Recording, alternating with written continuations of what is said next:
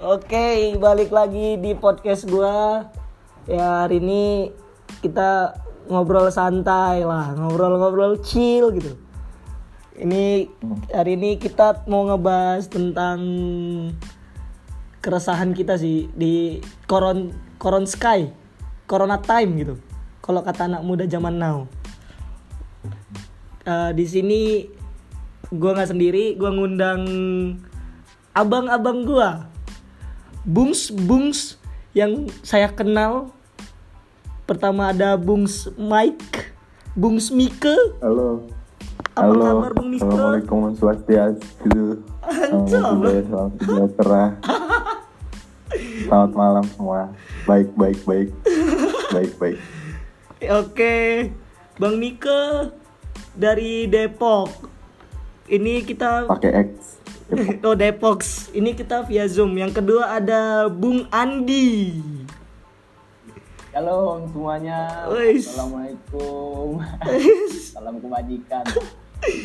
ya di sini kita cuma ngobrol-ngobrol santai ya kan ngobrol-ngobrol santai tentang gimana gimana sih apa sih yang kita resahkan di tengah-tengah pandemi Corona Sky ini di tengah-tengah pandemi Corona Time gitu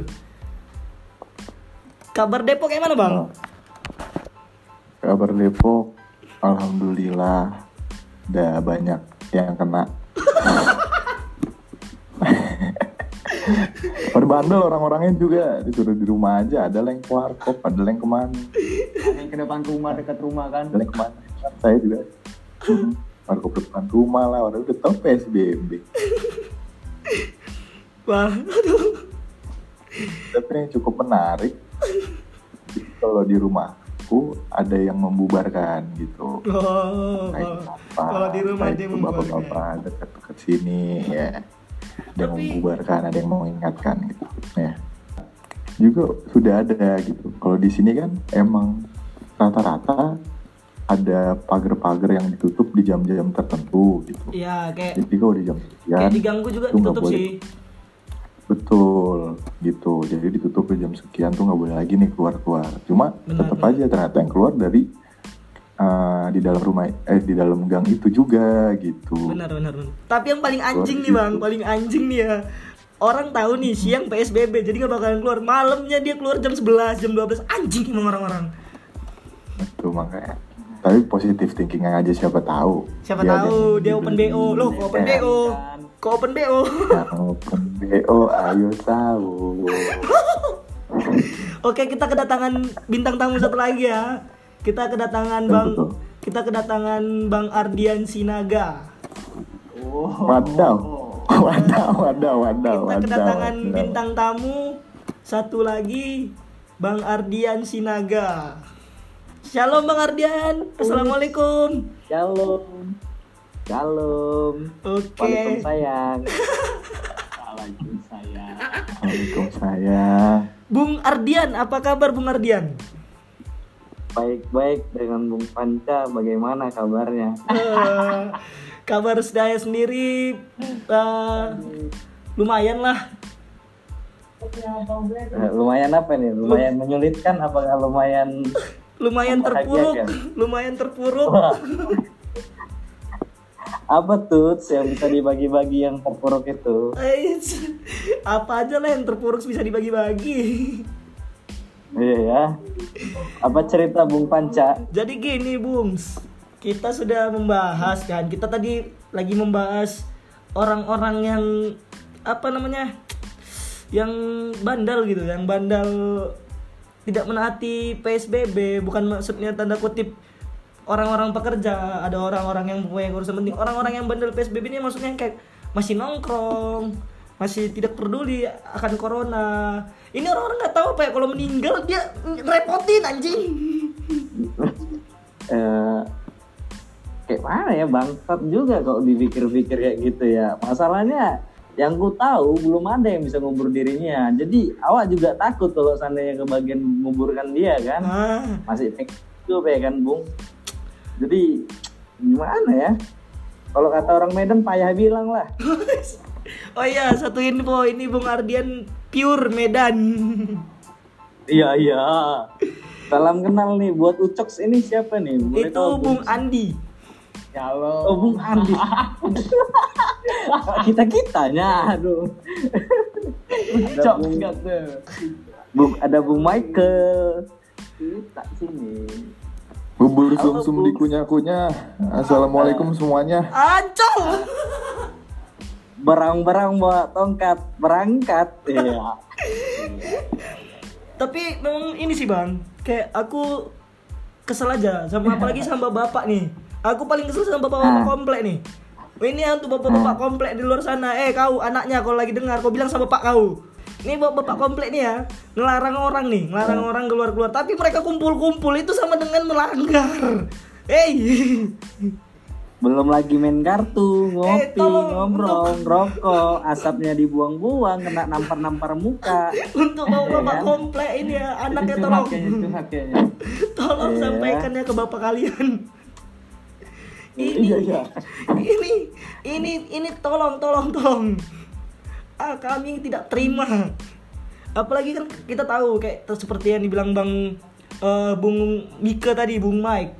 Eh, ada beberapa jalan ada beberapa gang yang dari jam sekian sampai jam sekian itu ditutup.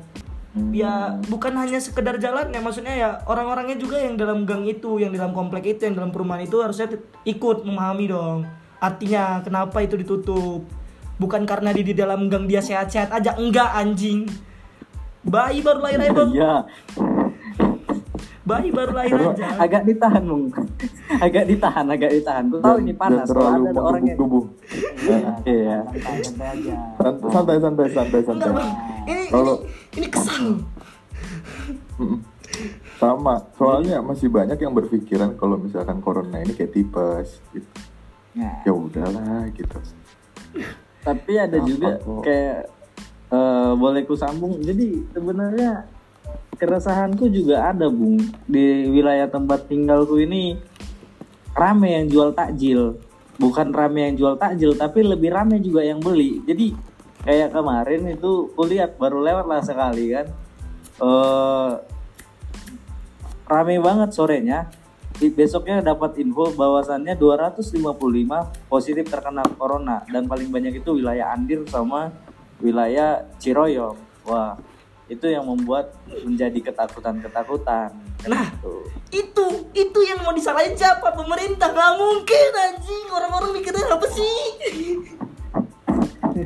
Nah, ditambah lagi memang memang mungkin dari dari wilayah situ dibikinlah pagar-pagar kayak gitu kan, Bung, sekitar jarak satu meter sama pembeli, eh sama penjual itu. Jadi eh, tujuannya tadi agar mengantri di luar dari batas itu.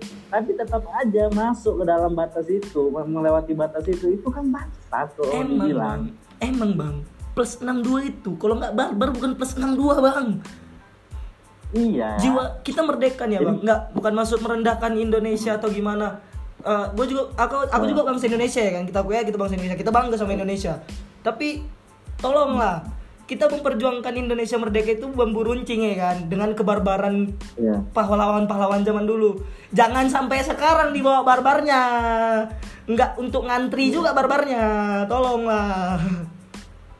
Tapi teringatnya opungku nggak pakai bambu runcing kayaknya, pakai mistik ya. hmm. Jadi gak ada obat. Gak ada obat. Gak ada obeng Dan catatannya, Jadi- dulu itu nggak ada corona gitu. Iya.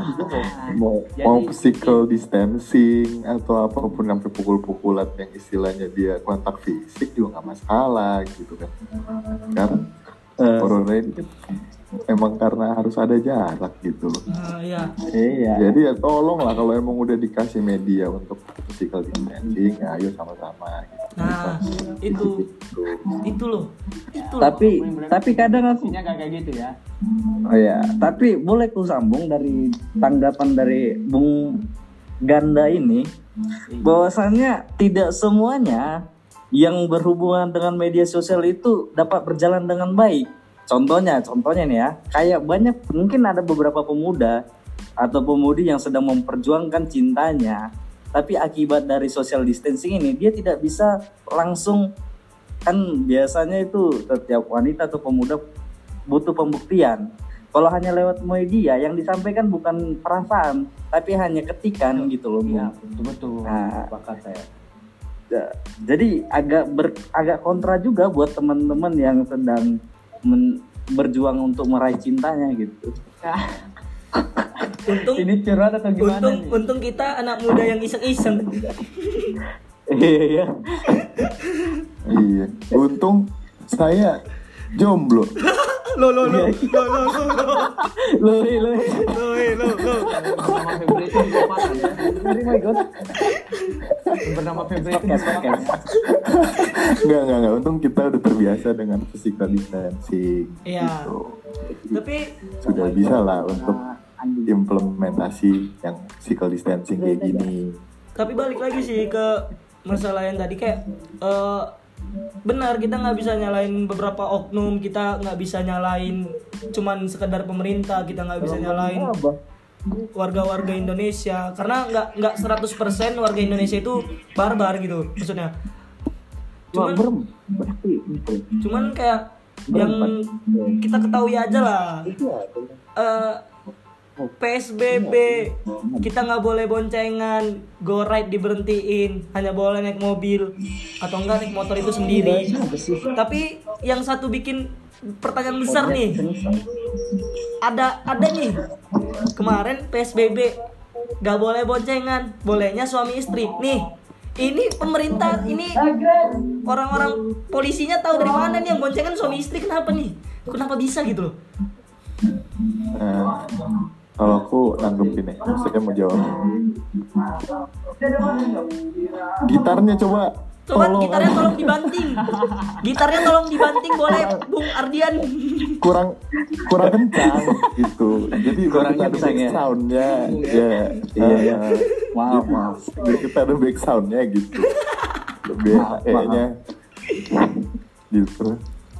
Nah, kalau di Jakarta Sila- sendiri ternyata di untuk yang boncengan itu itu dilihat ya KTP-nya gitu. Oh. Kalau misal, ah, jadi polisi juga nggak sekedar berhenti, oh ini kalian tuh boncengan begini begini begini begini enggak, ternyata diperiksa juga identitasnya kayak gitu. Nah, terkait hal itu saya ingin agak masuk sedikit nih. Oh, silakan. Bagaimana? Bagaimana gitu ya? Kalau seandainya kita di jalan ya ada aku, anggaplah aku contohnya, aku sama kawanku. Pergilah ada ke ingin ke suatu tempat entah nongkrong atau bagaimana di tengah jalan di perempatan lampu merah ternyata ada polisi rame dengan disub dengan jajarannya dengan pemadam dan yang lain-lainnya. Nah, sedangkan aturan PSBB memang dianjurkan kita tidak mengendarai motor itu sendiri. Nah, contohnya saya mengendarai motor bersama teman saya.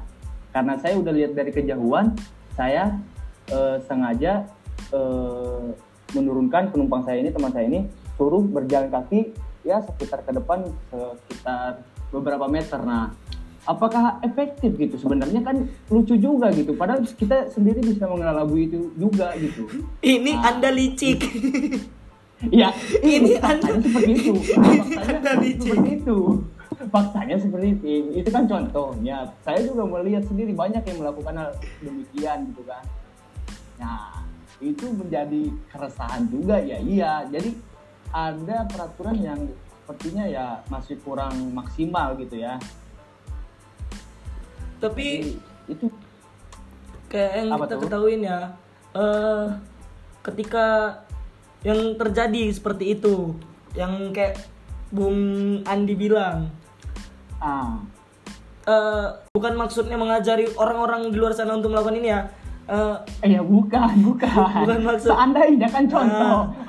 Soalnya saya ini lihat gitu. sebenarnya nggak di kalau misalnya pun kita melakukan hal tersebut polisi itu nggak mungkin tidak melihat gitu loh ini kita nggak bisa menyalahkan eh nggak bisa bilang polisi tidak bekerja dengan baik juga kalau misalnya itu pun bi- Bekerja bisa terjadi namanya juga ada namanya namanya manusia ada kelalaian dan ketidaksempurnaan gitu Betul.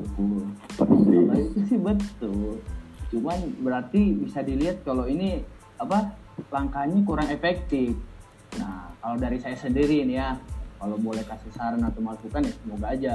Saya pernah tuh Iya, dulu itu pernah lah ada ceritanya saya sama temen lagi pengen jalan gitu ada ternyata ada lagi ada operasi lagi ada razia polisi itu Nah, Operasi apa, Pak? Usus buntu, payudara, silikon. enggak enggak enggak operasi inilah transgender iya iya iya kalau di Bandung namanya. Ah. Nah, jadi di memang ada pelangnya betul, mereka mengikuti aturan. Namun waktu itu saya dan teman saya ingin mengelabui dengan mutar arah lawan arus. Nah, pandainya ini ternyata di, di saat kami muter balik ternyata udah ada orang-orang yang biasa, ada juga yang naik motor tiba-tiba ya apa, Berubah, berubah, yang jadi Kamen tidak- Rider. Bukan, jadi Intel dia. Oh, kirain jadi Kamen Rider. Pura-pura apa? Ternyata mereka Intelnya. Jadi untuk eh, siapa-siapa aja yang kabur-kabur ini, mereka bisa nangkap. Nah, seharusnya kan bisa juga dilakukan hal demikian. Jadi mereka nyumput di mana, sembunyi. Nah, saat ada orang orang yang tiba-tiba turun itu, ya langsung ditanya aja, nggak nggak langsung ditangkap juga, ditanya juga kejelasannya kan. Itu lah lumayan gitu, mengurangi ya supaya ada orang-orang yang curang tadi kayak Ya. gitu kalau dari saya Istilahnya ya. menutupi kelalaian dari menutupi iya menutupi Ah. kelalaian dari ya beberapa pihak gitu. ya ada beberapa oknum lah. bukan Eh, Boleh gue sambung, boleh boleh silakan Bapak silakan. Panca. Oh, Silakan. eh, di kalau bicara soal berboncengan itu hanya berlaku untuk kendaraan mobil Motor. eh, roda 4 atau dan motor ya roda 4 dan roda 2 kan nah jadi coba kita tarik lagi motor ya khususnya motor coba seandainya kita berandai ada lain nih anak muda yang sedang kasmaran kita bikin contoh kan naik sepeda on apa sepeda jonder tahu kan sepeda jonder yang Oh, ada sepeda ontel, ontel. Iya, Ada iya, kursi. iya, iya, Nah, iya, nah, iya juga itu. ya pas pas. Apakah orang yang bersepeda itu juga diharuskan untuk tidak berboncengan? Nah, kan tidak diatur juga. Apakah juga harus diperiksa KTP-nya yang naik sepeda? Nah, itu terkait itu kan? Benar benar. Nah, benar. kembali lagi. Nah, kembali lagi kalau misalnya aku punya sering berpikir gini. Kalau Bapak Panca tadi memang kita punya keresahan yang sama terkait orang-orang yang masih nongkrong-nongkrong, bapak-bapak yang di pos ronda yang masih Main berjaga malam dan berkumpul-kumpul gitu kan, lebih dari lima orang kan.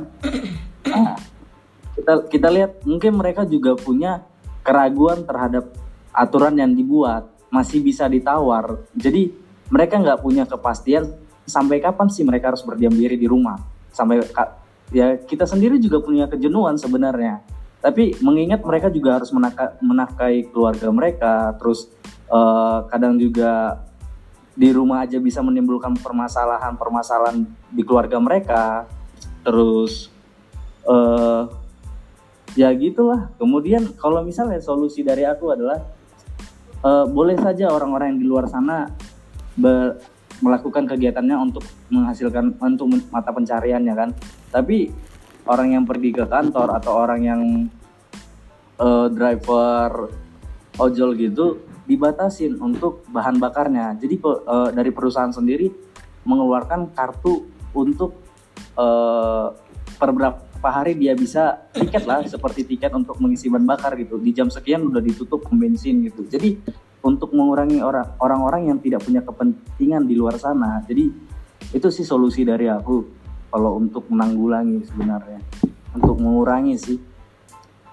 Boleh ditanggapin setuju tidak setuju sih setuju nggak setuju kalau dari akunya. Karena kalau menurut aku bang kalau orang yang jaga malam itu se, se- sepengetahuan aku ya itu karena memang ya seikhlas mereka dan semau mereka gitu. Hmm. atau enggak orang-orang yang kumpul-kumpul di pos-pos ronda yang dari siang sampai malam nggak pulang kayak nggak punya istri nggak punya rumah gitu. Maksudnya ya kita tahu pos ronda itu penting. Kita tahu ronda malam itu penting. Apalagi lagi zamannya eh, lagi di masa kita dalam puasa kan. Kita tahu tingkat kriminalitas akan menambah ketika ada event hari besar. Mau itu begal pencopetan maling. Kita kita tahu itu. Kita nggak bisa pungkirin. Kita butuh namanya pos ronda sis kamling kita perlu linmas kita perlu. Tapi maksudnya setujunya aku sama abang cara membatasinya itu mungkin dari mungkin kalau untuk pos ronda mungkin ada waktunya. Dan itu memang harus dipantau. Bukan sekedar aku duduk di pos ronda kok nggak ke mana-mana. Tapi kalau memang yang kumpul di, di pos ronda itu 10 orang satu orang aja corona itu sembilannya mati itu ikut mati gitu loh. Iya pula ya. nah gitu. Maksudnya ada pembatasan waktu dan pembatasan orang. Minimal berapa maksimal berapa gitu. Silakan Pak Michael jika ingin menanggapi dia. Eh, kalau aku sih ya, kalau untuk pos ronda itu, karena di Depok kan sekarang memang tingkat kriminalitas akhir-akhir ini kok semakin signifikan naiknya gitu. nah ya Udah ada empat kasus pembunuhan, itu karena jambret juga. Terus ada juga pencongkelan rumah kayak gitu. Hmm. Nah. Untuk istilahnya mengawasi juga lingkungan perumahan juga. Nah itu memang perlu betul tadi kata Panja Pos Ronda untuk orang-orang siskamling atau yang ronda-ronda malam itu betul. Cuma ya tadi kalau aku sepakat dari semua apa yang tadi dibilang Panca, memang betul untuk pembatasan-pembatasan orangnya itu perlu gitu. Nggak semua harus ini kadang juga yang aku lihat ya ada 10 Lah, ini 10 satunya dua orang main catur ada lagi yang ini ada lagi yang itu dan cuma hanya untuk alasan pertama alasan keamanan terus yang kedua alasan untuk membangunkan sahur kayak gitu. Karena emang masih dalam suasana Ramadan toh jadi itu yang sering dipakai sama orang yang padahal penting untuk menjaga kesehatan dan penting untuk menjaga jarak satu sama lain kayak gitu sih kalau dari aku. Terus kalau untuk tadi transportasi betul memang udah diberikan regulasi kalau misalkan untuk kendaraan bermotor itu nggak boleh boncengan atau segala macam kan. Nah, tapi balik lagi sebenarnya sih kalau aku partisipasi masyarakatnya sih Benar. gitu loh. Kalau misalkan di Depok udah ada kok yang namanya 3 in 1. Cuma eh di Depok di Jakarta sorry. Di Jakarta udah ada 3 in 1. 3 in 1 cuma akhirnya ada joki-joki 3 in 1 nih. Gitu loh. Jadi ada hal-hal baru yang bener-bener kok bisa ya kepikiran sampai sini? Gitu aku mikir itu. Ada joki-joki emang 3 in krea- 1 kreatif yang orang Indonesia mah bang. Nggak bisa dipungkirin itu. Betul, tapi kreatif persis. Cuma kreatifnya nggak pada tempatnya. nah itu itu doang kesalahannya Kok mengakali hukum itu gitu dia yang itu lucu tuh. saya kan cek ini three, three in one. Itu sih. Hmm. kalau aku sebenarnya.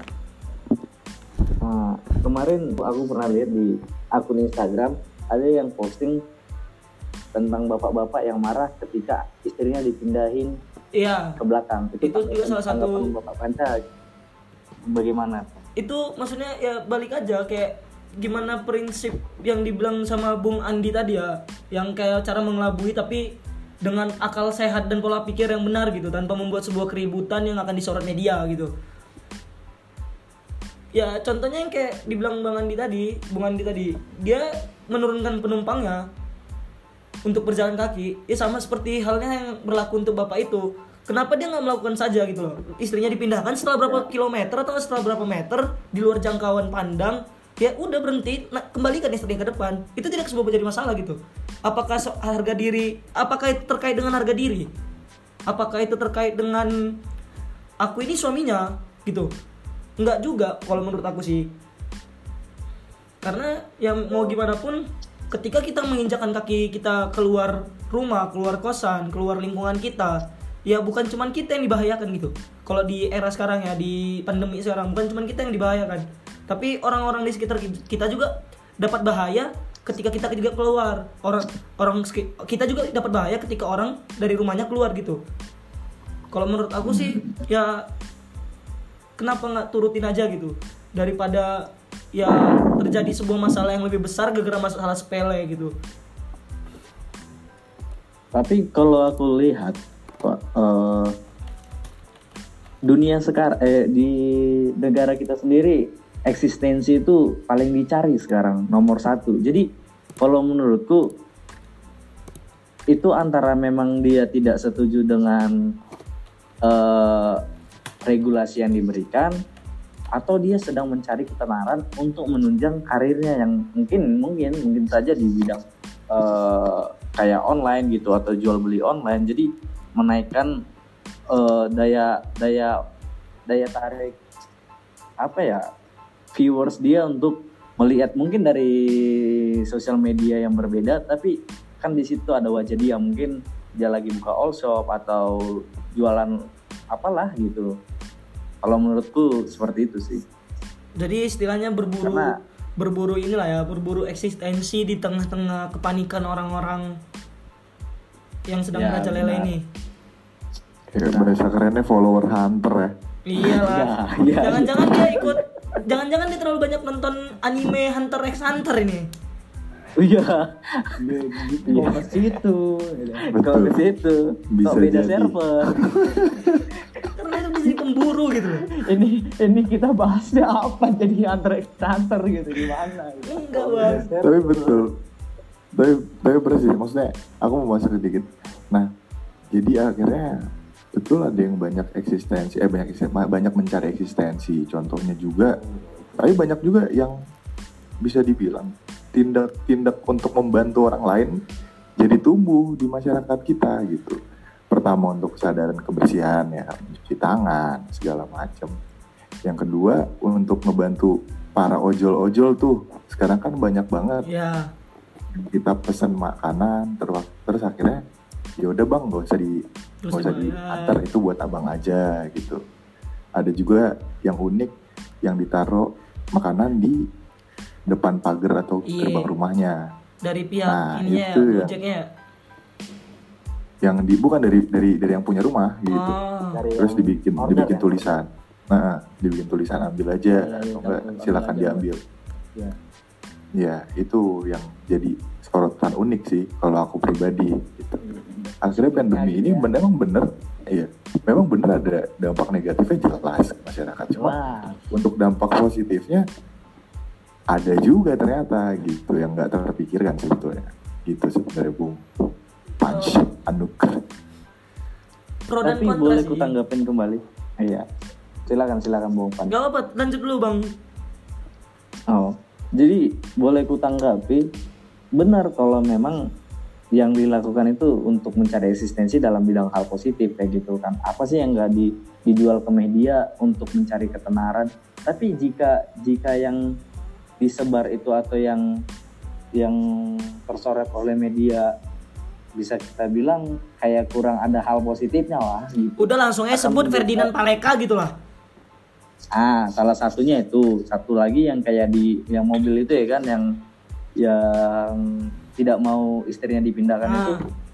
Kalau kalau seandainya orang-orang yang sekarang yang kurang open minded melihat kayak gitu atau ditelan bulat-bulat itu menjadi hal yang menambah untuk apa ya untuk kontra terhadap regulasi yang sudah diberikan oleh pemerintah sendiri untuk berdiam diri di rumah untuk tidak boncengan atau apa segala macam. Jadi kayak perlawanan kembali ke pemerintah sendiri. Jadi tadinya sudah menjadi apa ya udah ikut dalam mengurangi pandemi ini jadi nambah gitu loh nambah orang-orang yang bebal tadi Hmm.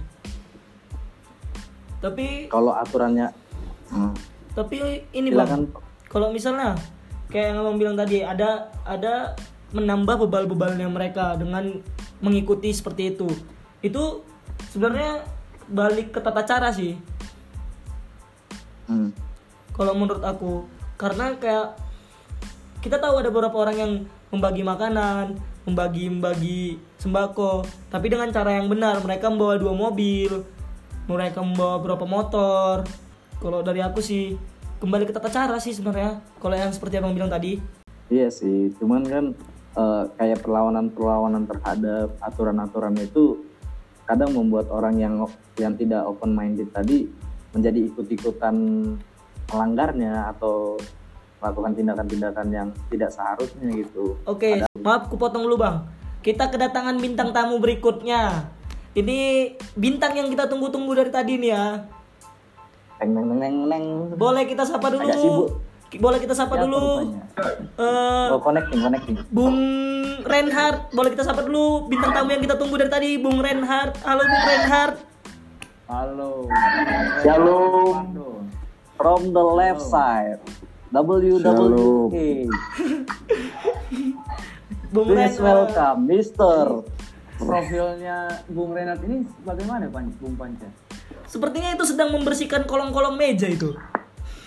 Rokok apa abu-abu rokok tadi tuh. Iya iya iya. Eh, Bung Reinhard, apa kabar Bung Reinhard? Kabar baik. Kabar baik Bung Reinhard. Ya, udah makan Bung Reinhard? Makan sudah. Minum udah, minum. Kenyang belum? Tapi minum Kenyangnya udah. belum. Minumnya udah. Itu yang itu yang jadi aneh. Minumnya udah. Makan sudah, kenyang belum? Minumnya tetap teh botol sosro. Oh iya, eh jangan bang, jangan sebut sponsor, gak dibayar kita. Hmm. Endorsement ya. Enggak, cuman ini aja mengingat masa-masa lalu kan. Oh iya iya iya iklan iklan. Apa pun makannya, minumnya tetap. Minumnya tetap air putih. Iya. Iya. Gak ada uang beli teh botol sosro.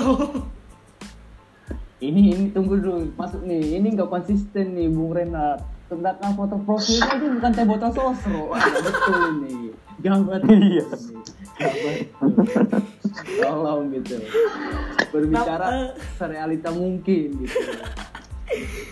Nah, ini Bung Renat sudah banyak Bung Renat ketinggalan sepertinya. Kita dari tadi kita sekarang lagi membahas tentang eh, dampak negatif positifnya lah untuk corona ini di kalangan masyarakat, di kalangan kalangan atas, bawah, menengah. Ya kayak ada orang menjadi pemburu eksistensi, kayak ada jadi orang yang menjadi pelawan aturan-aturan ada orang yang memburu eksistensi tadi seperti aku bilang tapi dengan cara yang positif bahkan ada dengan cara negatif gitu kalau dari Bung Renner sendiri bagaimana pendapat Bung Reinhardt? Kalau bicara tentang positif dan negatifnya sederhana sih.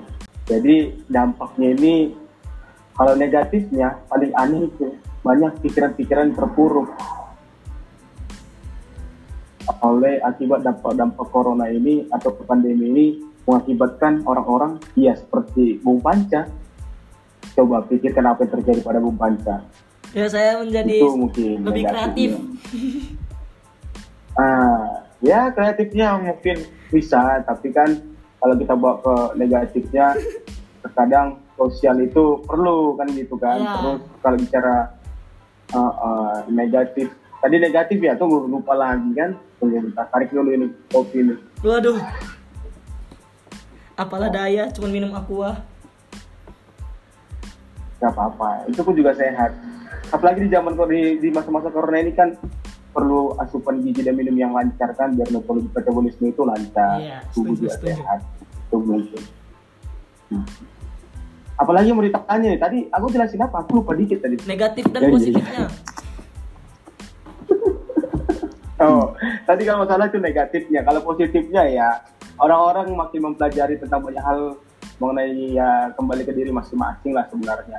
Kalau negatifnya tadi pikiran-pikiran banyak terpuruk karena peralihannya hanya beberapa bulan kita berusaha untuk keluar dari kegiatan kita yang seperti biasanya. Itu mengakibatkan kita nggak jadi apa ya nggak jadi produktif lah nggak terlalu solutif lah. Karena terpaksa diamkan diri mayoritas memaksa kita untuk apa ikut uh, sebagai aturan. Memang baik pemerintah harus dipercaya. Cuman kan ada hal-hal yang harus diukur. Itu dia mungkin uh, saudara panca. Oke. Pendapat yang lumayan menarik, menarik perhatian. Perhatian polisi. Iya. Ih, jangan dong jangan dong udah pernah jangan nanti kalau Iya. ditangkap susah Iya, iya. cinta Polri. Iya. Agak kabur dikit, jangan jangan mau ditangkap. Oke. Untuk Bung Ardian sendiri, maaf tadi saya ma- maaf tadi kupotong Bang. Eh Nah, silakan melanjutkan pendapat Abang tentang yang tadi Abang bilang. udah beres rasaku. Cuman ada satu pertanyaan, bukan pertanyaan sih, kejanggalan yang menurutku. Apa tuh? Kayak kemarin diinfokan di daerahku itu 255 kan baru terkena positif. Tapi itu membuat apa ya? Membuatku berpikir ada keraguan apakah itu valid. Sedangkan gimana ya? Atau hanya untuk menakut-nakuti orang-orang supaya tidak berkerumunan lagi yang yang kayak beli tajil atau yang jualan gitu. Itu sih yang menjadi keraguan menurutku coba dituangkan kira-kira eh, punya keraguan yang sama atau tidak atau punya pendapat gitu. Pasti bang. Seperti yang kita ketahui itu adalah kayak dibilang Bang Mike, kita punya keresahan yang sama dengan adanya titik kumpul di sebuah komplek yang isinya itu semua bapak-bapak gitu loh.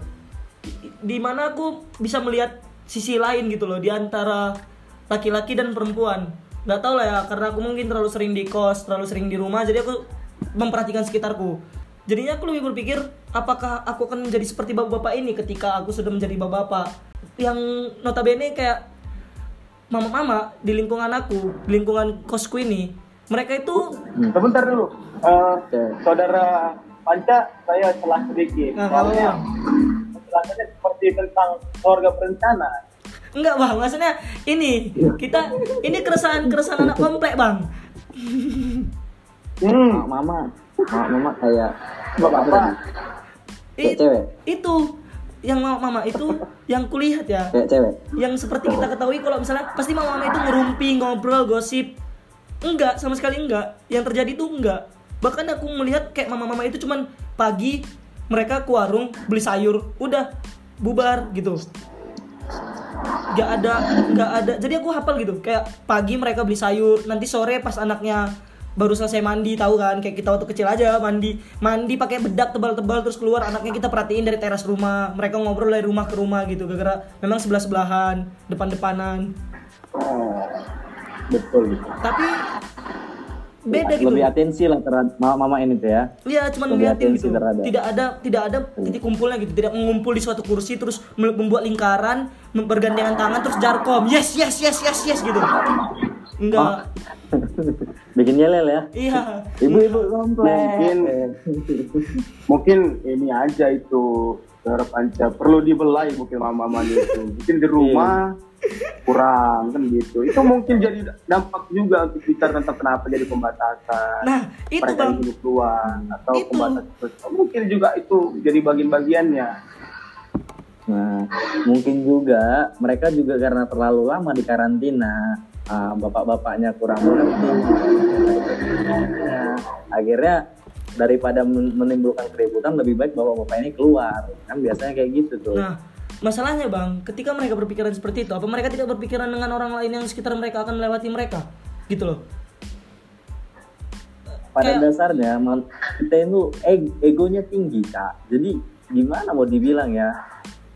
Kadang juga kalau bicara bicara ego lah, kadang mengalahkan rasional rasional tadi gitu, di, di dilupakan gitu. Hmm. Padahal demi keselamatan dia sendiri ataupun orang banyak, ah aku yang penting kayak mana lah caranya biar nggak nggak dengar keributan ya udah keluar aja nongkrong sama teman bikin bikin janjian ngopi-ngopi ngerokok main gaple kan gitu pura-pura jaga ronda padahal nggak tahu kemalingan juga nyari rumah orang Pas ditanya itu kemalingan, kalian tahu? Hah, hah, hah? Saya, saya, saya di rumah. Padahal enggak gitu loh. nah pada pada menutup diri kan Iya gitu. Kayak angkat tangan jadinya. Maksudnya kan ya jangan sampai ada maksudnya tolonglah mindset yang kayak gitu diubah. Karena ketika mereka berpikiran seperti itu, ada orang yang berpikir seperti ini, Bang. Oh, ada kok yang ronda. Oh, ada kok yang jaga aman. Kita nggak tahu tipe-tipe manusia. Kayak mungkin kayak aku sendiri maupun ada yang ronda maupun ada yang nggak ronda, aku tetap menjaga barang-barangku, tetap menjaga apa yang ku taruh di luar rumah. Gitu kayak pagar Ah, dikunci. Di situ dia, di, di situ mungkin Bung Panca maksudnya kan menjadi perdebatan sederhana yang lucunya apakah kepercayaan kepada pemerintah itu konkret apakah pemerintah memberi keyakinan secara konkret dan lurus kepada masyarakat keseluruhan sampai sekarang nggak ada aku mungkin ya atau belum aku dapat datanya satu kota atau provinsi itu menjadi contoh untuk sebagai sampel penyelesaian atau eh, apa apa pemberian himbauan corona tapi tepat sasaran bahkan sampai sembako kelayakan hidup terus fasilitas terus masalah kerja juga menjadi permasalahan. Tadi kan udah dibilang tadi udah aku bilang mengenai mayoritas terpaksa eh, menuntut kecemasan mereka itu terbawa atas kepercayaan pemerintah. Nah itu menjadi pertanyaan besar sebenarnya. Dan sampai kapan adakah contoh satu daerah atau provinsi yang menjawab contoh yang baik? Semua secara secara general kecemasan ketakutan. Bahkan perdebatan kita juga menjadi hal yang nggak perlu kadang-kadang. Karena nggak ada keyakinan dari pemerintah. Kita hanya disuruh percaya. Nah, percaya ini bisa ini bisa ini bisa ini bisa banyak aspek-aspek yang harus sebenarnya diluruskan kan? Gitu. setelah ini apa kan? Gitu. Sebelum ini apakah jelas kan? Gitu. Takutnya akan menjadi dampak-dampak wabah lebih besar dari bicara tentang wabah virus ini kan? Gitu nanti. Terkhusus nasionalisasi apa? Nasionalis, apa, nasionalisasi Indonesia. Itu juga yang harus kita pikirkan. Itu mungkin suara panca. Tapi kalau yang abang bilang tadi bang, contoh kota atau provinsi atau kabupaten, aku udah ngelihat berita Jawa Tengah itu terbaik bang. Jawa Tengah itu sangat terbaik. Kenapa? aspek yang mana dulu Kenapa? Contoh, aku ngambil dari, dari Salak 3 yang paling dekat kita ambil. Eh, Salak 3 itu sudah melakukan social distancing yang sangat keras, bahkan untuk pasar sendiri. Pasar sendiri mereka melakukan sekat. Kepada siapa kemarin aku ini ya? Aku ngasih lihat bahwa di pasar itu mereka dikasih kotak uh, kepada Bung Ardian. Itu luar biasa loh. Bahkan warga mereka yang hanya berjualan di pasar bisa menaati itu gitu. Yang mereka dikasih kotak ini batas jualan kamu dikasih jarak berapa meter ini ruko berikutnya. Ini ruko berikutnya terus dikasih berapa meter ini ruko berikutnya. Itu luar biasa loh. Setelah terus aku melihat video dari temanku aku ngelihat bener kondisinya tertib tidak ada titik kumpulnya antrinya bagus. Itu sebuah contoh luar biasa menurut aku. Tapi banyak orang yang tidak peduli karena karena itu ketutup sama hal-hal yang kayak tadi kita bahas. Mencari eksistensi dengan cara negatif. Karena kalau dari aku sendiri ya orang Indonesia itu lebih suka hal-hal yang membuat mereka kesal dia dia udah tahu itu buat kesal tapi tetap aja dilihat gitu loh. Emosi. Nah betul betul. Gitu. Boleh Tapi masuk. menanggapi itu. Oh lanjut lanjut. Silakan Bung Ardian. Aku sepak aku sepakat dengan Bung Renhat. Jadi kurang kurang percayanya antara pemerintah yang me- mengeluarkan regulasi dan masyarakat kepada eh, eh, kurangnya masyarakat terhadap yang memberi regulasi dan yang memberi regulasi terhadap kurang meyakinkan terhadap masyarakat mau sampai kapan gitu. Dan akhirnya menimbulkan masyarakat itu kurang mawas diri. Kalau di Jawa Tengah sendiri mungkin ya kayak kita lihat kayak siapa itu bupatinya eh, langsung menyediakan tempat cuci tangan di tempat-tempat umum. Iya ya terus pada awalnya yang tadinya masih belum belum dilarang untuk menyemprotkan disinfektan ke tubuh sekarang kan sudah dilarang jadi dikurangi mungkin ya. Eh, jadi mereka itu percaya dengan pemimpinnya gitu percaya dengan eh, wakil rakyat di daerah itu. Nah, jadi beberapa tempat kurang ya kurang yakin lah terhadap eh, pemimpin-pemimpin daerahnya. Jadi itu mungkin masuk apa tanggapan dari saya Bung Panca Eh, eh, untuk Bung Renard silakan. Mungkin menanggapi Jadi, maksud tadi sebagai contoh atau ada bentuk atau ada skala yang terukur itu kan kembali ke sini. Bentuk itu mengeluarkan eh, contoh kasus dan itu menjadi publikasi nasional. Karena ini wabah internasional yang diambil alur nasional. Karena nasional kan sebenarnya bukan bicara saja ke provinsi atau kabupaten atau eh, wilayah kota sebenarnya Oh sebenarnya Jawa Barat juga sudah maksimal menurut aku. Kalau di pandang-pandang Jawa Barat sudah maksimal, ya rentan Jawa Barat itu berputus Bandung harusnya kalau memang PSBB kemarin tidak dilakukan pertama, terus apa peninjauan ulang dan Ridwan Kamil lah terus ya, lumayan bagus lah 19 dari mereka itu mulai klasifikasi khusus gitu.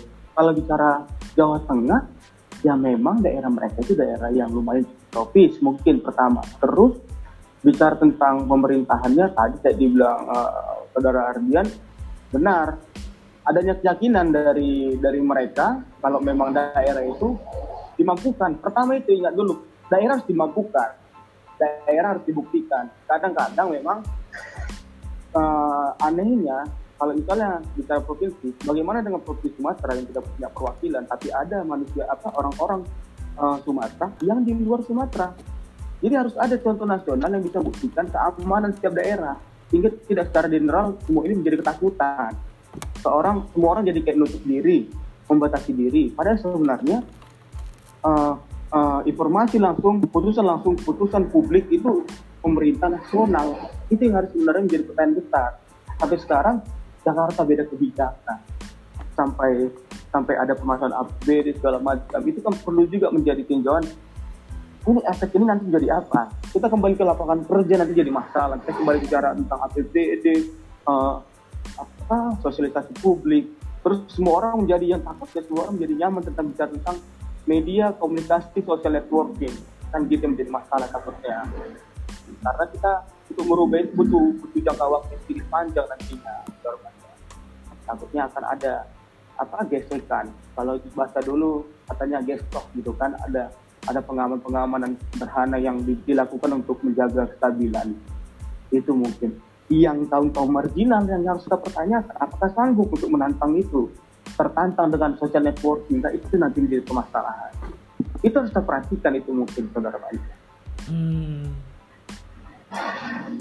Sepakat, sepakat. semua orang bisa, tidak semua orang bisa melakukan atau menikmati social networking atau kehidupan ini harus seperti apa dengan jangka waktu 34 bulan belajar media informasi.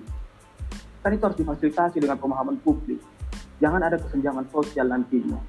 Entah takutnya nilai nilai nilai mata uang, emas, eh, dolar itu penurunan angkanya menjadi makin makin rendah karena intinya pema-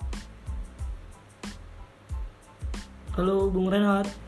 Oke, sepertinya Bung Renhard sedang mengalami ti- ketidakstabilan jaringan, kelabilan jaringan, jaringannya masih SMP nih, labil. Ya kurang dididik jaringannya. Ya kurang dididik ya Agak jaringannya. sedikit. Tapi sepertinya yang kita dengar tadi Bung Renhard ngomong dengan banyak kondisi motor yang lewat. Sepertinya Bung Renhard sedang disentul ini. Iya. Balapan ya. Jadi buka di sentul. sirkuit Di sirkuit sentul ini sepertinya. Ya. Apakah Bung Andi ikut dalam balapan itu? Tentu saja tidak. Saya mau jokes di sini. Oh iya. Nah, Waduh, Bung Renat. Bung Renhard sepertinya disconnect ya. putus koneksi. Putus koneksinya. Putus. Ada masalah internal antara koneksi dan jaringan gitu. Nggak bisa diomongin lagi emang udah jalannya satu-satunya putus gitu. Iya ya. Iya, udah berat permasalahan mereka. Iya. Udah permasalahan rumah tangga. Seperti yang dibilang Bung Renat tadi. Apakah efek efek se- setelah corona ini apa? Efek negatifnya apa? Efek positifnya apa? Efek di lapangan kerjanya bagaimana? Itu seba- itu sebenarnya jadi keresahan kita juga sih. Keresahan kita ketika corona ini selesai, apakah benar lapangan kerja akan kembali seperti biasa? Ataukah akan terjadi seperti tahun 98 di mana Indonesia mengalami krisis moneter gitu. Beberapa orang ya mungkin kalangan atas tidak memikirkan ini. Ah, betul, tepat. Oke, Bung Renard sudah terhubung kembali. Ya, halo. Oke, Bung Renard silakan dilanjutkan Bung Renhard argumennya. Mungkin udah sampai situ aja intinya. Karena terkadang kan memang kayak yang tadi aku bilang. eh, tadi terakhir yang mungkin terpotong itu aku bilang, ya terkadang perhatikan diri sendiri dong dan paham diri sendiri dan ini bukan masalah per orang atau masalah aku dan dia atau keluarga. Enggak, ini bicara tentang nasional, global dan publik. Tinggal masalah kesadaran dan kemampuan kita harus diuji untuk bicara tentang nanti efek dampaknya atau impactnya ke mana gitu. Jadi harus kita kembali ke melakukannya. Kalau bicara tentang penyakitnya semua orang bisa sakit, Benar. semua orang bisa terkena penyakit ini. Semua orang bisa, siapa pun bisa. Tapi kan harus ada eh, stigma kita bisa lebih baik dari ini, kita bisa lebih jelas dari ini, kita bisa lebih mampu dari ini. Ada zona di rotasi yang sama, kita berputar di tempat yang berbeda. Itu yang harusnya aku tanya, aduh ke mana ya arah pemerintah ini? semua orang bisa di yang sama tapi kita harusnya berputar di tempat yang berbeda dengan cara yang beda. Sehingga kita bisa jadi bukti. Itu tadi bilang untuk kasus daerah yang menjawab tentang stabil keuangan stabil begini keresahan begini-begini dan menjadi uh, wilayah khusus untuk menjadi contoh. Khusus ya wilayah khusus karena nasional menjadi contoh. Itu aja sebenarnya mungkin saudara kita. Tapi sedikit membahas yang Bung. Seperti yang Bung Reinhardt tadi bilang, saya sudah bilang ke ini Bung Mike, ke Bung ke Bung Andi, ke Bung Ardian. Efek yang seperti Bung Reinhardt bilang ini, ini menjadi sebuah keresahan juga, terutama bagi aku sendiri, bagi kita kalangan mahasiswa, bagi ma- kalangan masyarakat ekonomi menengah ke bawah, mungkin tidak berpengaruh kepada ekonomi ke atas. Eh, efek balik setelah corona selesai apakah akan menyebabkan krisis ekonomi karena seperti yang kita ketahui tadi apakah efek setelah corona ini tetap menyediakan lapangan kerja seperti biasanya? Atau enggak tempat-tempat pekerja itu berjalan seperti biasanya? Apakah akan terjadi krisis ekonomi lagi pada era tahun 2020 atau 2021 atau ke depannya ak- akibat corona ini yang seperti terjadi tahun du- 98 gitu? Sebenarnya apakah itu akan terjadi. Kalau menurut Bung Ardian bagaimana Bung Ardian?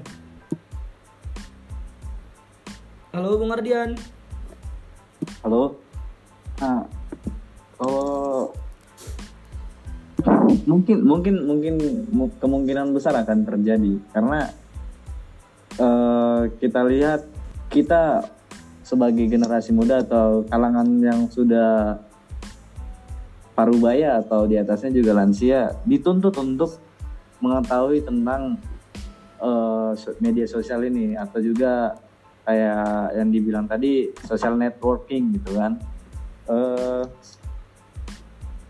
kemungkinan besar pengurangan sumber daya manusia yang bekerja di kayak perusahaan-perusahaan besar itu akan digantikan dengan menurut menurutku ya akan digantikan dengan robot-robot atau enggak juga mesin.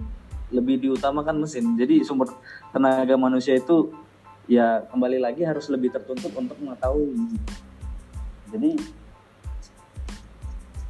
kemungkinan besar akan terjadi karena nggak semua orang bisa langsung eh, memahami ya di bidang sosial kayak gini gitu. Apalagi kayak kalau kal- kalangan-kalangan bawah gitu yang menengah ke bawah yang medianya tidak ada seperti handphone atau paket atau apa pun itu itu yang membuat menjadi penghalang mereka misalnya nanti tenaga kerja akan digantikan oleh mesin Oke, kalau dari Bung Mike, bagaimana Bung Michael sendiri pendapatnya? Ah, shalom. Buset, Ya. shalom mulu ya. bagaimana pendapat Gimana Bung gimana Michael? Gimana tadi, Bung? efek balik setelah corona seperti yang sudah dijelaskan oleh Bung Reinhardt itu kita ketahui bahwa efek balik corona ini pasti ada. Contohnya seperti apakah lapangan kerja tetap berjalan seperti biasanya atau penyediaan lapangan kerja tetap bakalan sebesar biasanya. Terus apakah akan terjadi efek ekonomi gitu? Kayak krisis ekonomi di tahun 98 apakah akan terjadi kembali karena corona ini? Bagaimana pendapat Bung Mike? Ah, kalau aku coba jawab aja ya. Maksudnya gini, kalau untuk efek tentu ada.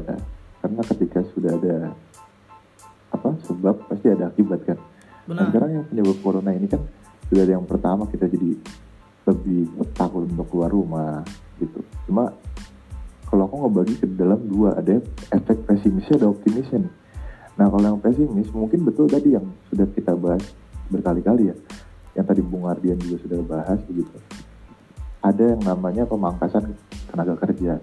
Mungkin juga akan jadi banyak robot yang bekerja tadi kan gitu. Nah, karena hal itu terjadi hari ini terjadi gitu untuk pengurangan tenaga kerja yang di mana juga eh, etos-etos tenaga kerja itu akhirnya terpinggirkan gitu. Terus juga ada yang namanya telat nih, telat gajian, telat THR, itu udah terjadi gitu. Dan kalau misalkan dibilang stabilitas ekonomi, ya pasti akan terganggu. Karena bisa dibilang perusahaan mana yang mau invest, ketika ada wabah seperti ini gitu kan nah pasti stabilitas ekonomi akan terganggu tapi yang saya mau sampaikan adalah saya kutip dari presiden mana ya Ghana atau presiden pokoknya di Afrika sana dia bilang kita bisa membangkitkan ekonomi tapi kita tidak bisa membangkitkan manusia gitu. Nah itu yang saya kutip kemarin dan saya baca juga kemarin itu term yang sangat bagus. Saya juga sepakat gitu. Kalau manusia yang mati untuk penggerak ekonomi siapa? Tidak ada sama sekali gitu. Jadi lebih baik kita nggak apa-apa hancur-hancuran ekonomi atau nggak apa-apa ya justru kita juga harus cari yang victimless ya yang kurang korban gitu. Kita nggak apa-apa gitu. Maksudnya kalau ekonomi emang bener-bener ada ambruk. Tapi yang terbaik adalah selamatkan dulu manusianya gitu. Nah kalau yang optimisnya itu saya lihat ini pendapat aja ya. Maksudnya akan ada gelombang liburan yang besar sih menurutku ya gitu. Ketika sudah selesai corona orang sudah lelah. Loh social distancing karena jenuh sekali berada di rumah gitu akan ada gelombang liburan yang besar dan mungkin dari negara-negara luar Indonesia akan masuk ke sini gitu untuk liburan dan itu mungkin juga akan menaikkan devisa negara kita kalau gitu Oke, itu pendapat dari Bung Mike. Bagaimana pendapat dari Bung Andi sendiri? tes tes Oke. udah oke selamat malam ya kalau dari saya sendiri dampaknya pasti ada positif ada negatif kembali lagi bagaimana langkah pemerintah dengan setelah berakhirnya nanti eh, pandemi COVID-19 ini namun kalau seperti yang Bung Anca tadi tanyakan kalau bagaimana dampaknya mengenai ekonomi tentu Iya. saja kalau untuk kalau menurut saya nih ya kalau untuk ekonomi khususnya di Indonesia sendiri tentunya sudah kita lihat sejauh ini eh, nilai tukar uang kita saja sudah anjlok. Sedangkan kita mau beli barang apa pun kebutuhan pokok pangan dan segala lain tiba-tiba stoknya itu menjadi terbatas dan harganya meningkat. Nah di sini bisa kita lihat dan kalau wabah ini berakhir pun di sinilah memang butuhnya peran pemerintah dan perlunya perlunya juga sebagai kita satu sama lain eh, sebagai nilai-nilai manusianya gitu lebih ditekankan di situ seperti di mana kaum-kaum atau kalang-kalangan yang eh, men- dari kalangan atas gitu untuk membantu dari kalangan menengah ke bawah jadi janganlah kita dulu berbicara soal bagaimana nanti pekerjaan, bagaimana saya ini nih. Nah, sedangkan untuk setelah setelah apa pandemi ini berakhir belum tentu juga. Soalnya kalau kalau dari saya pribadi bisa saja dari menengah bawah ini ada yang dari dia eh, apa statusnya pekerjaannya itu melamar di perusahaan atau melamar di tempat mana lain dan di mana tempat pekerjaan tersebut tidak dapat kan memberikan eh, gajinya atau memberikan penghasilan kepada dia karena wabah virus ini. Nah, dampaknya ya dia tidak berpenghasilan dan setelah itu dan tidak menutup kemungkinan dia di PHK. Nah, udah itu kan dia tidak mempunyai penghasilan tuh. Nah, kenapa gitu nggak bergotong royong gitu kita sama-sama ya bantu dari pemerintah juga berperan penting dari kalangan atas untuk melihat dari menengah ke bawah gitu. Jadi jangan kita serang-serang terus pemerintah pemerintah, tapi kesadaran dari diri kita sendiri aja udah nggak ada gitu kan, sama aja bohong gitu. Oh, Jadi seharusnya kita sama-sama bantu membantu bahu membahu gitu.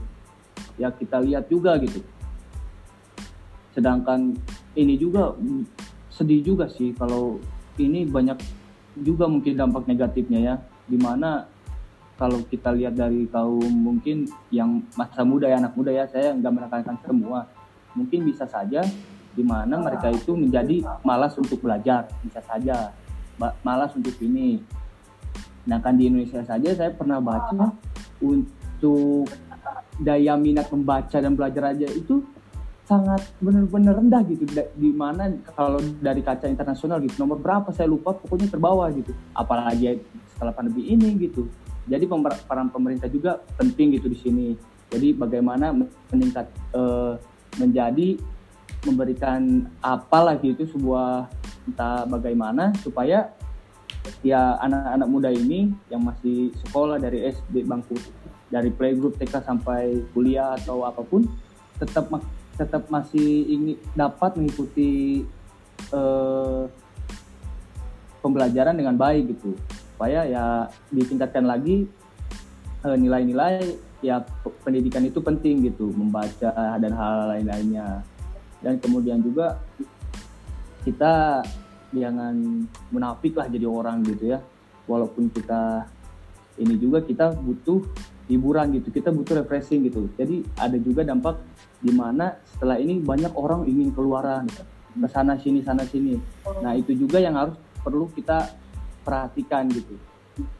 Soalnya ya dari saya pribadi juga sendiri meresahkan gitu bagaimana kalau hanya berdiam di rumah dengan misalnya satu sama lain hanya bisa bersosial gitu berinteraksi dengan orang lain itu hanya menggunakan media sosial atau media online gitu. Sedangkan yang di- saya takutkan ini maksudnya bagaimana nanti orang-orang jadi ter- terbiasa atau jadi nyaman gitu dengan berinteraksi sosial itu melalui media online aja lah. Media online aja udah bisa sedangkan ngapain kita harus ini ini apa capek-capek walaupun nggak nggak semua ya. Paling kurang lebihnya itu sih Oh. Bung Panca. Berarti pemerintah harus meningkat kinerjanya disokong dengan masyarakat yang meningkatkan kesadaran dirinya gitu. kurang lebih sih kayak gitulah. Pokoknya ya mulai ditekankan gitu nilai-nilai nilai-nilai moral kita nilai-nilai kemanusiaan kita itu ayolah kita kan Indonesia gitu. Kita lihatlah Pancasila janganlah ngomong kita apa-apa-apa sosok suci sosok baik kita lihat gitu kita tekankan kita tanamkan gitu ke diri kita masing-masing kita itu apa sih yang udah bisa kita beri apa sih yang udah kita bisa lakukan untuk COVID-19 ini dan begitu juga setelahnya apa sih yang bisa saya lakukan apa ini jangan kita hanya bisa menuntut menuntut menuntut menuntut Oke, Bung Panca, silakan. Oke.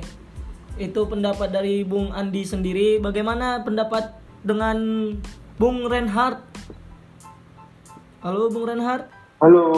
Oke, bagaimana pendapat Bung Reinhardt? Jadi ini sangat menarik sebenarnya pembahasan ini.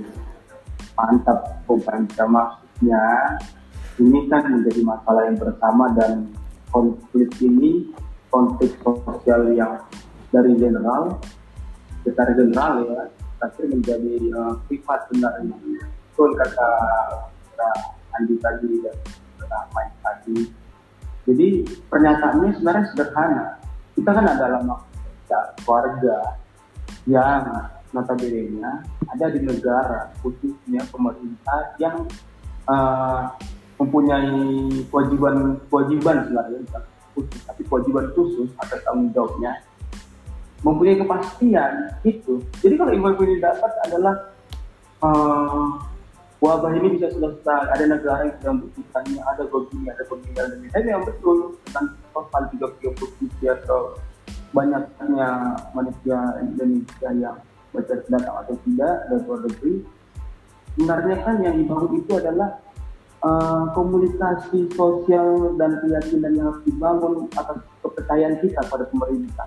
Oke kita percaya. Sampai saat ini mulai dari eh, awal mula corona ini sejak mulai menjadi permasalahan kita meyakini semua kembali pada pernyataan mengkarantina diri, mengurung diri, begini-begini. Nah ini pernyataannya, pernyataannya harusnya ada kejelasan sosial juga.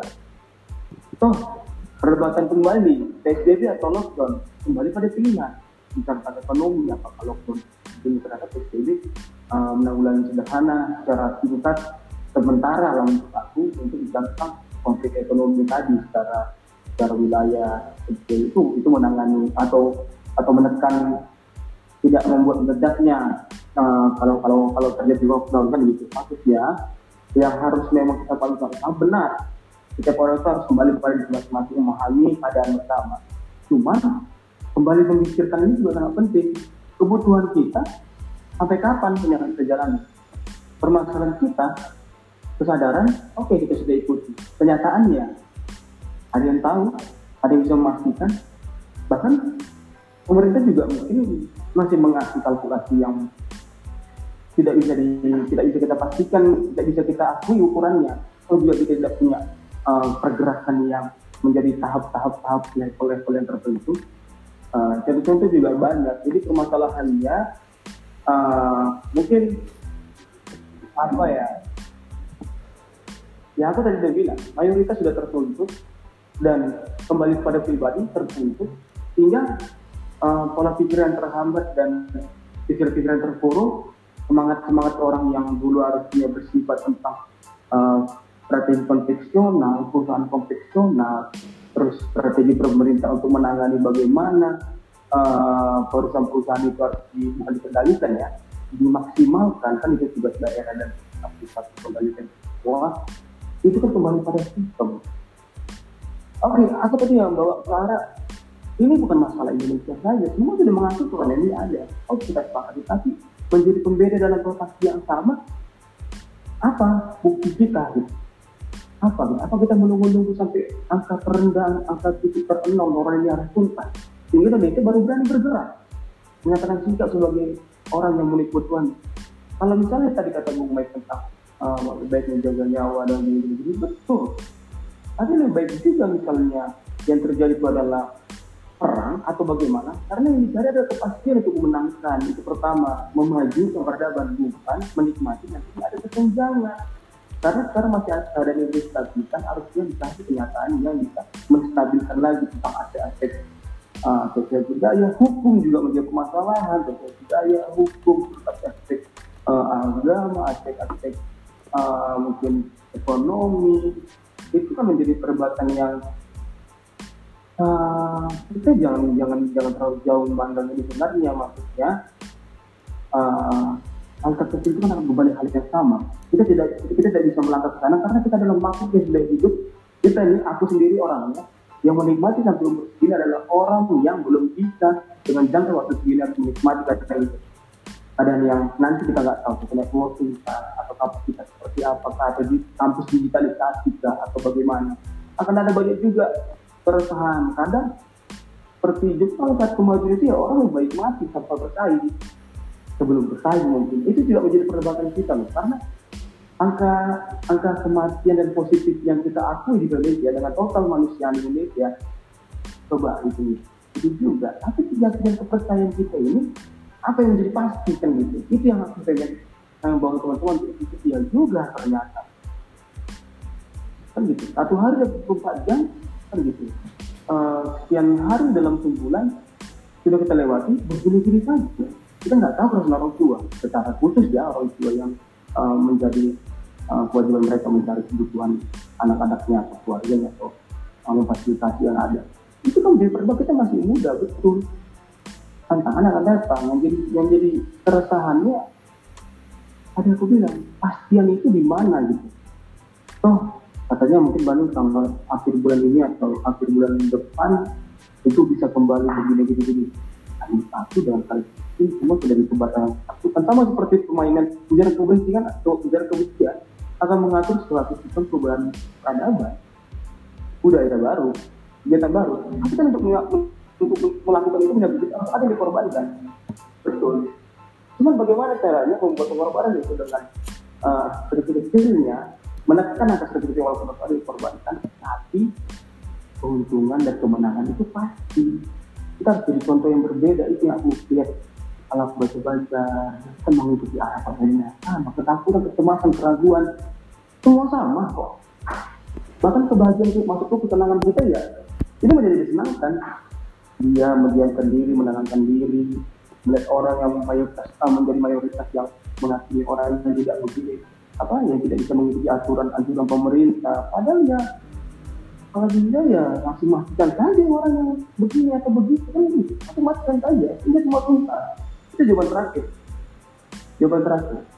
Seperti permainan suarco jika memang untuk menyusahkan lakukan. Kita dihabiskan mungkin seperti itu. Tapi kan ada cara lain mungkin untuk mengendalikan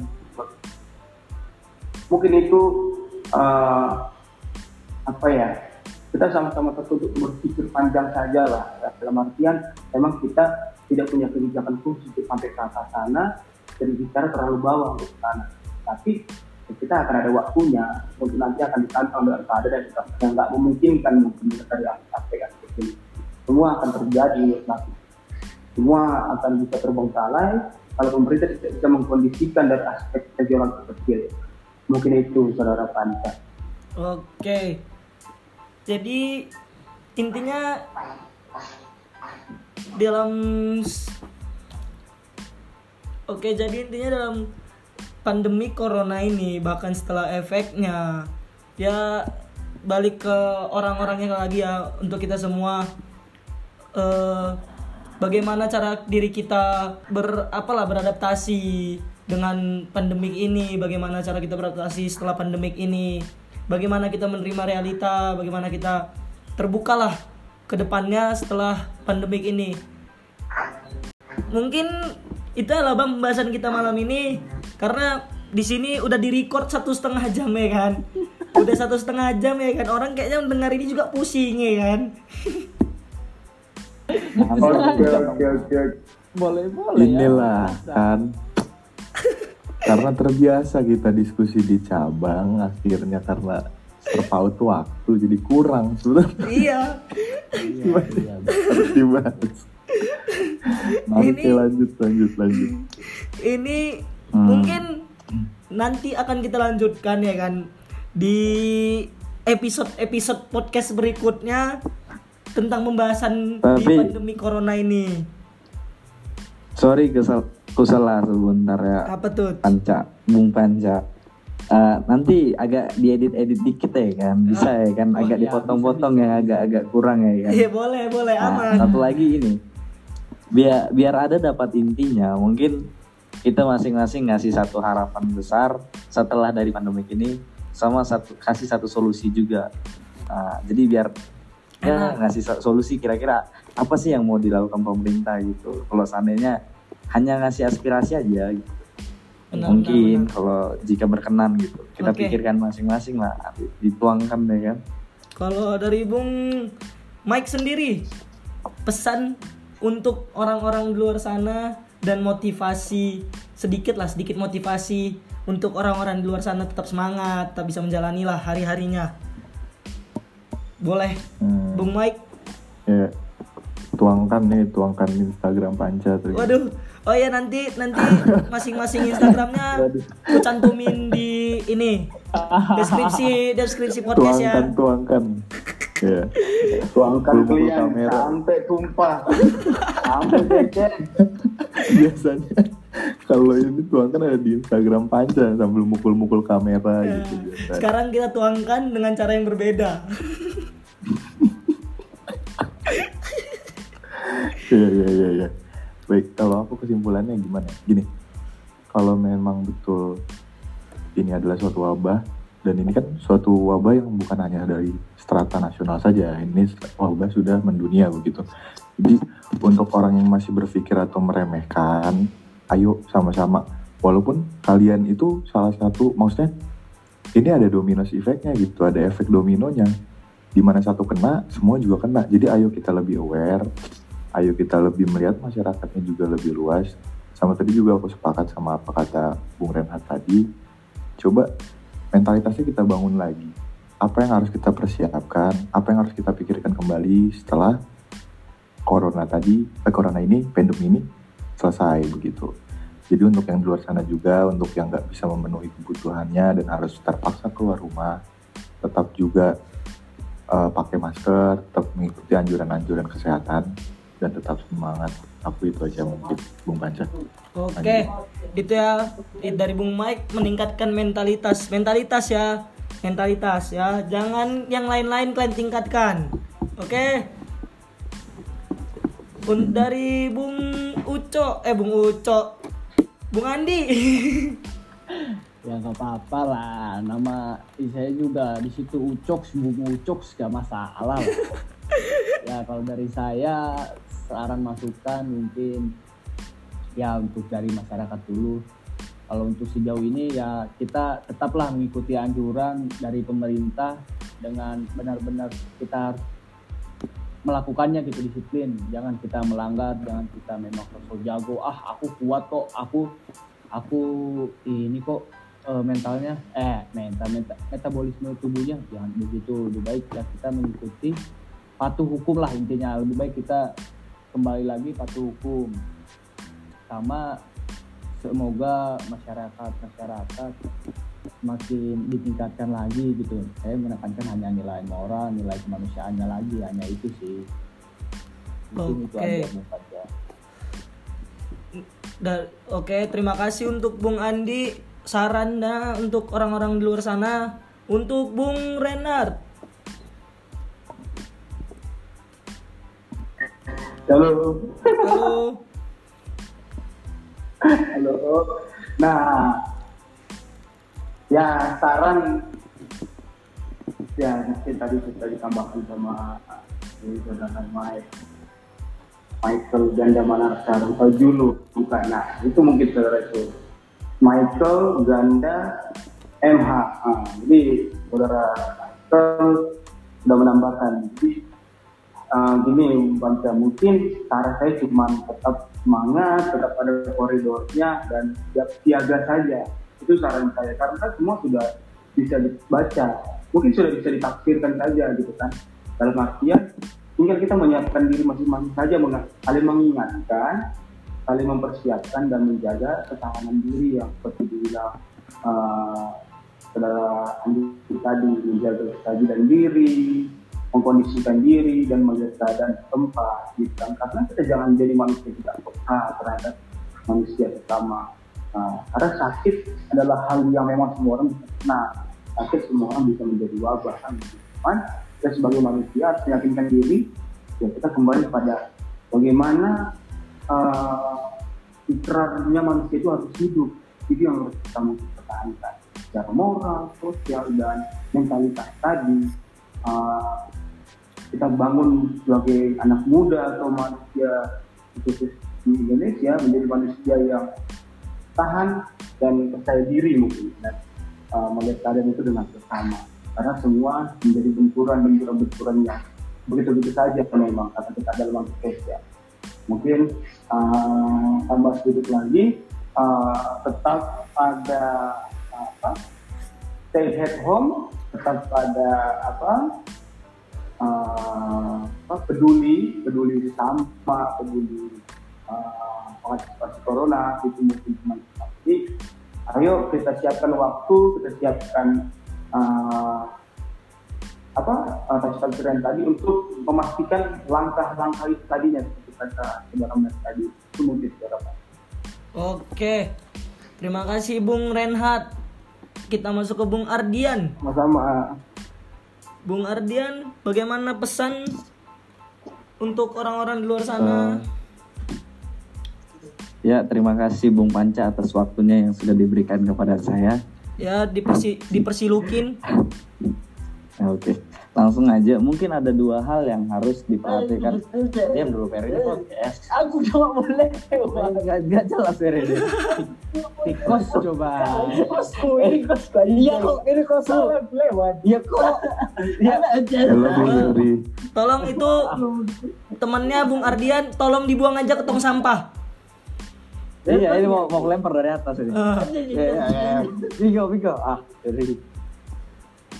Nah, mungkin oke kembali lagi lanjut ya. Mungkin ada dua hal yang harus eh, dipikirkan dari masyarakat sekarang itu satu adalah eh, bagaimana seandainya kalau kita sudah terjangkit virus, nah, yaitu lebih memperbanyak untuk me- mengurangi kontak dengan sosial dengan yang lain gitu ya. Yang kedua adalah bagaimana kalau orang yang di sekitar kita sudah terkena virus di sekeliling kita dan kita belum terkena virus. Ya kembali lagi harus mengurangi kontak atau kontak fisik maupun eh, kontak ya, batin. kontak fisik lah dengan orang. Nah, bisa jadi kan? Nah, dengan orang-orang di lingkungannya.